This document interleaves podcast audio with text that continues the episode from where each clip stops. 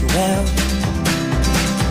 Through train rides and Va, no deixem de, de parlar de l'impacte econòmic d'aquesta pandèmia, però ara des d'un altre punt de vista, eh, des del punt de vista de això que fem amb el Genís Roca, que és eh, perfilar el segle XXI. Oi que ho fem així, Genís?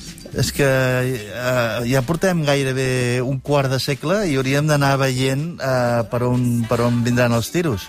I avui volem parlar de com serà el turisme. Ara que parlàvem de com serà aquest estiu, Sí. aquest estiu serà un turisme, si és que n'hi ha, molt afectat per la pandèmia i pel Covid, però és que el turisme en si ja estava cridat a, a, a, a continuar evolucionant i a canviar, i avui ens acompanya algú que ens podrà explicar bé com serà el turisme al segle XXI, més enllà de la pandèmia, que segur que la pandèmia ha influït en aquest anàlisi. José Antonio Donaire. Nascut a Salamanca fa 52 anys, és doctor en Geografia per la Universitat Autònoma de Barcelona i vicerector de Comunicació i Relacions Externes de la Universitat de Girona. Especialista en ordenació i planificació d'espais turístics, ha publicat aquest gener el recull de contes La síndrome del doctor Strangelove. tota gent a fora al carrer comprant i prenent el sol. Molt bon dia. Què tal, com esteu? Bon dia. Molt bé, contents de, de tenir-te aquí, que ens ajudis a entendre una mica com ha de ser aquest uh, turisme. Potser d'entrada hauríem de dir postpandèmic. No sé si seria un bon primer estadi per començar a definir el turisme del futur. Sí, sí, és un bon adjectiu. Però no només del turisme. Jo crec que anem cap a una societat postpandèmica que canviarà moltes coses, i entre elles el turisme. Hi ha, hi ha una cosa que... Eh, poder la paraula turisme ja comença a estar una miqueta gastada, perquè a mi em costa una miqueta identificar ja què és un turista. Al final és algú... Parlem de Barcelona, per exemple, però podríem parlar de la Costa Brava o podríem parlar de qualsevol altra destinació, eh?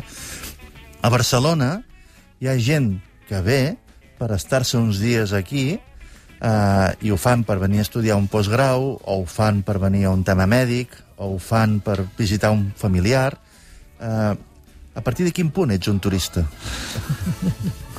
Mira, l'OMT diu un turista és una persona que es desplaça fora del seu entorn habitual més de 24 hores, menys d'un any, per una activitat no remunerada en destinació. I com que no ho entes res, no?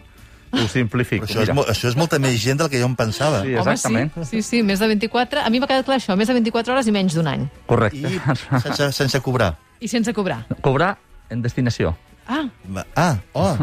home, Ah, El mateix si és cobra en important. origen, per Sí. exemple, Molta si tu vas per feina encara. a treballar sis Correcte. mesos... No, no, no, no. Si tu ets un... Eh, uh, jo tinc un germà, per exemple, que és perit, perit naval, Ah, val. però va a, a fer un peritatge a Hamburg. Doncs ell, que cobra d'una empresa de Barcelona a fer un peritatge a Hamburg, És un quan va a Hamburg és un turista. Però el que fa aquesta definició és excloure els desplaçaments laborals. Una Vale. persona que va fer la temporada de la poma a Girona no és un turista, és un treballador. Per Tota tant- la resta Per tant, són turistes. quan diem, eh, quan hi ha gent que diu no vull turistes a, a la meva ciutat, està dient no vull ningú a la meva ciutat. Està dient, no vull que una persona vingui a operar-se de cataractes en un hospital privat, no vull estudiants internacionals, no vull Erasmus, no vull persones que vagin a les fires internacionals, no vull gent que vingui a fer negoci. Eh, però tens raó, eh? La definició que us he donat abans, em sembla recordar que és de l'any 56, opa, i jo crec que té 65 anys, més o menys, o sigui, ja l'haurien de jubilar, eh? eh sí, no? Eh, a- més a li toca, per, per, Sí. per llei. a les ciències socials comencem a sospitar que és tan complicat delimitar què és turista i què és no, que no ho és, que probablement ens hem d'inventar neologismes i abandonar el concepte turista que prové d'una altra època, potser del segle XX. Uh, alguna vegada que t'he escoltat, uh, m'has explicat que, que hi ha diferents tipus de turisme, i no només amb, el, amb la línia que ho treballàvem ara, sinó que, per exemple, hi ha pa economies, països uh, emergents que venien d'una situació i estan començant a desenvolupar una certa classe mitja i estan començant a, a tocar això que nosaltres en diem desenvolupament, que vés, vés tu saber, i que aquestes classes mitges, quan per fi comencen a consolidar-se, volen fer el que nosaltres hem fet de, durant tot el segle XX. I volen viatjar, i volen comprar-se cotxes, i volen, volen accedir a això que han vist sempre a les pel·lis. Llavors, hi ha un turisme que, que reivindica poder anar a visitar el món com nosaltres ho hem fet. I, i en canvi nosaltres, que estem una miqueta més eh, madurs, diguéssim, ara ja demanem unes altres formes de turisme. En lloc d'anar-nos en un mes a vacances, preferim fer cinc caps de setmana al cap de l'any, una escapadeta un cap de setmana a París, una escapadeta en lloc de 20 dies a Hong Kong, no? Um, això és així, hi ha diferents fluxos de turisme i els dos creixen? Vull dir, per molt que anem dient cada cop hi haurà més turistes? Sí, sí, cada cop n'hi haurà més turistes. Mira, abans de la Malgrat Covid... la pandèmia.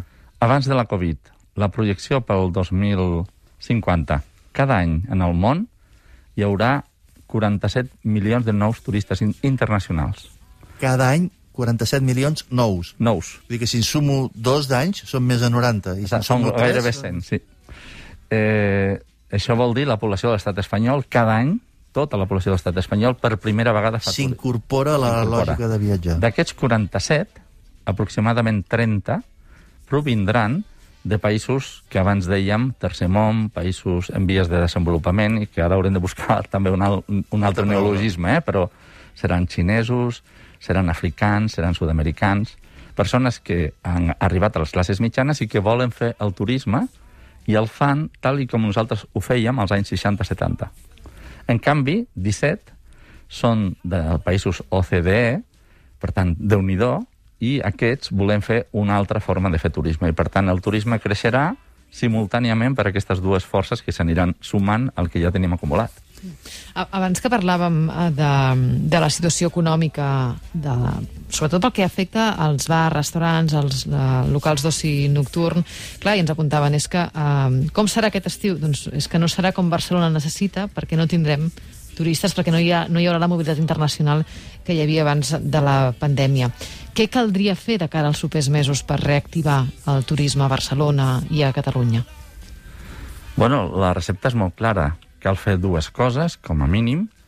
La primera és accelerar el procés de vacunació. Això seria essencial i tenir un passaport de vacunació que donaria doncs, possibilitats eh, de noves entrades i de reduir l'efecte d'entrada que tenen les barreres internacionals. I, en segon lloc, doncs una política molt eh, agosarada per part de les destinacions de mesures de proximitat, de control de la proximitat, dels aforaments, de les mesures higièniques i, per tant, la combinació d'aquestes dues mesures, unes profilàctiques i altres de vacunació, permetrien que arribéssim a tenir un estiu relativament eh, normal, és a dir, que podíem arribar al 70%, 75% respecte a l'any passat. Eh? Això seria la normalitat.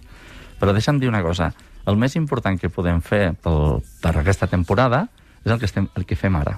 O sigui, les mesures de precaució que portem a terme com a país ara generaran que la nostra entrada a l'estiu, recorda l'estiu passat, eh, vam sortir d'un confinament total i els números van permetre, malgrat tot, que la situació sanitària de l'estat espanyol i de Catalunya era relativament bona, no?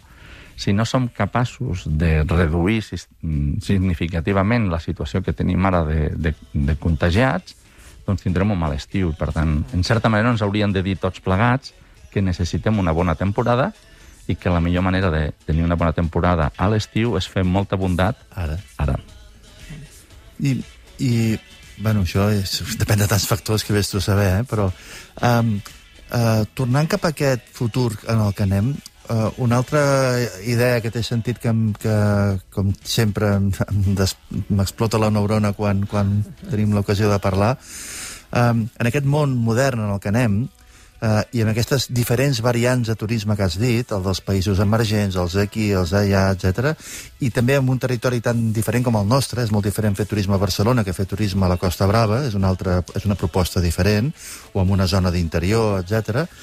Uh, nosaltres també hauríem de començar a espavilar uh, i fer un millor màrqueting, perquè uh, tothom està parlant de segmentació, tothom està parlant de Netflix te recomana les pel·lícules que tu, i específicament tu, voldries veure, i en canvi el nostre màrqueting comença a ser vine a Catalunya, un país que et sorprendrà. Eh, I clar, amb un missatge tan genèric poder costa ser atractiu per públics tan específics. Aquí hi ha camí, podem fer coses que, que ara que hi haurà govern nou, eh, que fem la carta als Reis pel futur i no només per aquest estiu. No, probablement hem de reformular eh, l'estratègia de comunicació, però també la gestió de les destinacions.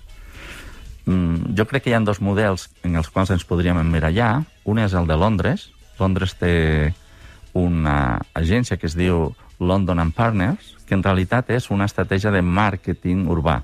Li diu a la gent, veniu a Londres per uh, estudiar, per treballar, per invertir, per mil coses, ah, i, i per fer vacances. I, per tant, passa del màrqueting turístic El màrqueting del visitant.